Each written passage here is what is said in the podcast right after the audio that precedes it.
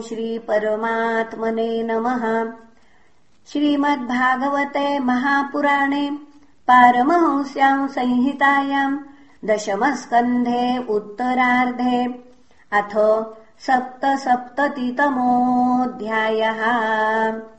श्रीशुक उवाच स तूपस्पृश्य सलिलम् दंशितो धृतकार्मुकः न यमाम् द्युमतः पार्श्वम् वीरस्येत्याह सारथिम् विधमन्तम् स्वसैन्यानि द्युमन्तम् रुक्मिणीसुतः प्रतिहत्य प्रत्यविध्यन्नाराचैरष्टभिस्मयन्।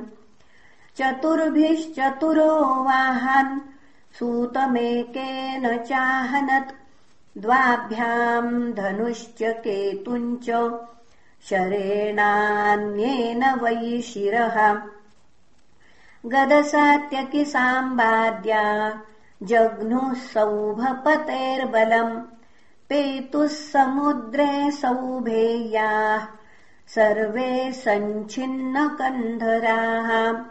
एवम् यदूनाम् शाल्वानाम् निघ्नतामितरेतरम् युद्धम् त्रिणवरात्रन् तद्भूत्तुमुलमुल्बणम् इन्द्रप्रस्थम् गतः कृष्ण। आहूतो धर्मसूनुनाम् राजसूयेऽथ निवृत्ते शिशुपाले च संस्थिते। कुरु वृद्धाननुज्ञाप्य मुनींश्च ससुताम् पृथाम् निमित्तान्यतिघोराणि पश्यन् द्वारवतीम् ययौ। आह चाहमिहायात आर्यमिश्राभिसङ्गतः राजन्याश्चैद्यपक्षीया नूनम् हन्युः पुरीम् मम।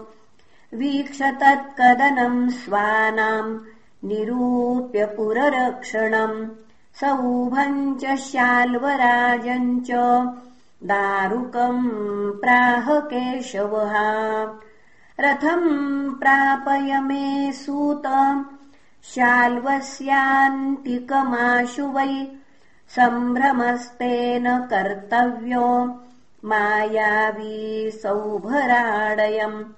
इत्युक्तश्चोदयामास रथमास्थाय दारुकः। विशन्तम् ददृशुः सर्वे स्वे परे चारुणानुजम्। शाल्वश्च कृष्णमालोक्य हतप्रायबलेश्वरः प्राहरत्कृष्णसूताय शक्तिम् भीमरवाम् मृधे। तामापतन्तीम् नभसि महोल्कामिव रंहसा भासयन्तीम् दिशः शौरि सायकैश्च तथाच्छिनत् तञ्च षोडशभिर्विद्ध्वा बाणैः सौभम् च खे भ्रमत्। अविध्यच्छररसन्दोहैः खम् सूर्य इव रश्मिभिः शाल्वशौरेस्तु दोःसव्यम् सशारम् शारम् धन्वनः बिभेदन्योपतद्धस्तात् शारङ्मासीत्तदद्भुतम् हाहाकारो महानासीत्। भूतानाम् तत्र पश्यताम्। विनद्य सौभराडुच्चैरिदमाह जनार्दनम्। यत्त्वया मूढनः सख्युर्भ्रातुर्भ्रार्या हतेक्षताम्। पुनः यत्त्वया मूढनः सख्युर्भ्रातुर्भार्या हृतेक्षताम् प्रमत्तः सभामध्ये त्वया व्यापादितः सखा त्वम् त्वाद्यनिशितैर्बाणैरपराजितमानिनम् न याम्य पुनरावृत्तिम् यदि तिष्ठेर्ममाग्रतः श्रीभगवानुवाच वृथा त्वम् कथसे मन्दो न पश्यस्ति पुनः वृथा त्वम् कथ्यसे मन्द न पश्यस्यन्तिकेऽन्तकम् पौरुषम् दर्शयन्ति स्म। शूरान् बहुभाषिणः। इत्युक्त्वा भगवान् शाल्वम् गदया भीमवेगया। तताडजत्रौ संरब्ध। स च कम्पेवमन्नसृक् गदयाम् सन्निवृत्तायाम् शाल्वस्त्वयिन्तरधीयत। ततो मुहूर्त आगत्य पुरुष शिरसाच्युतम्। देवक्या प्रहितोऽस्मीति नत्वा प्राहवचोरुदन्। कृष्ण कृष्ण महाबाहो पिता ते पितृवत्सल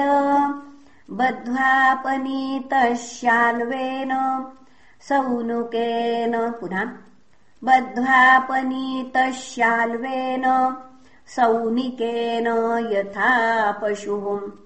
निशम्य विप्रियम् कृष्णो मानुषीम् प्रकृतिम् गतः।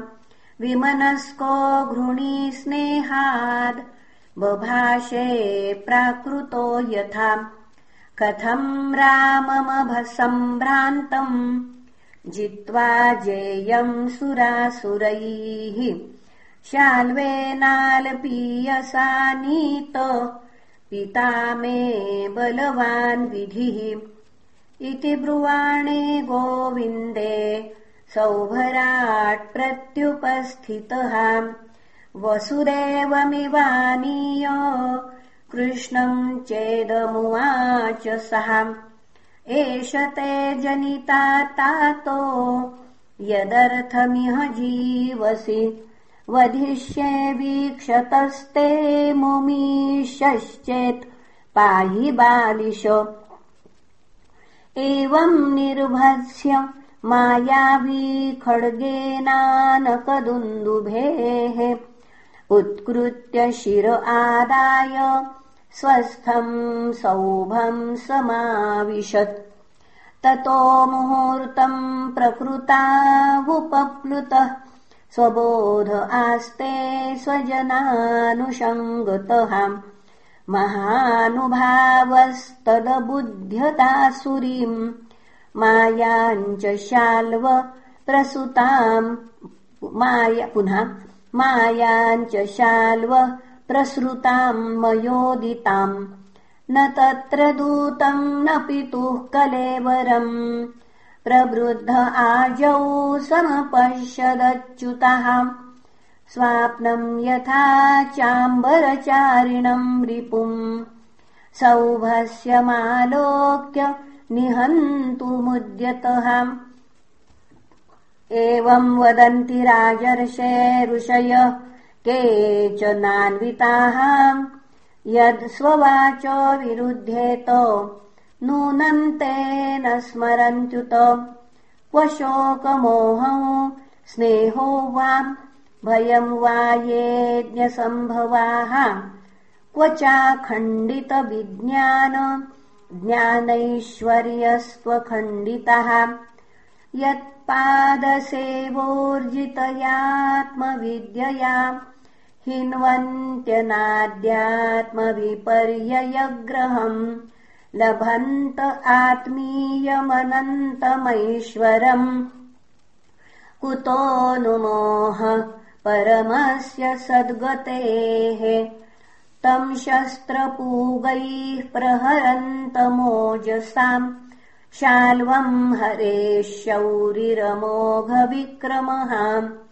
विध्वाच्छिनद् शर्म धनुःशिरोमणिम् सौभम् च शत्रोर्गदयारुरोजः।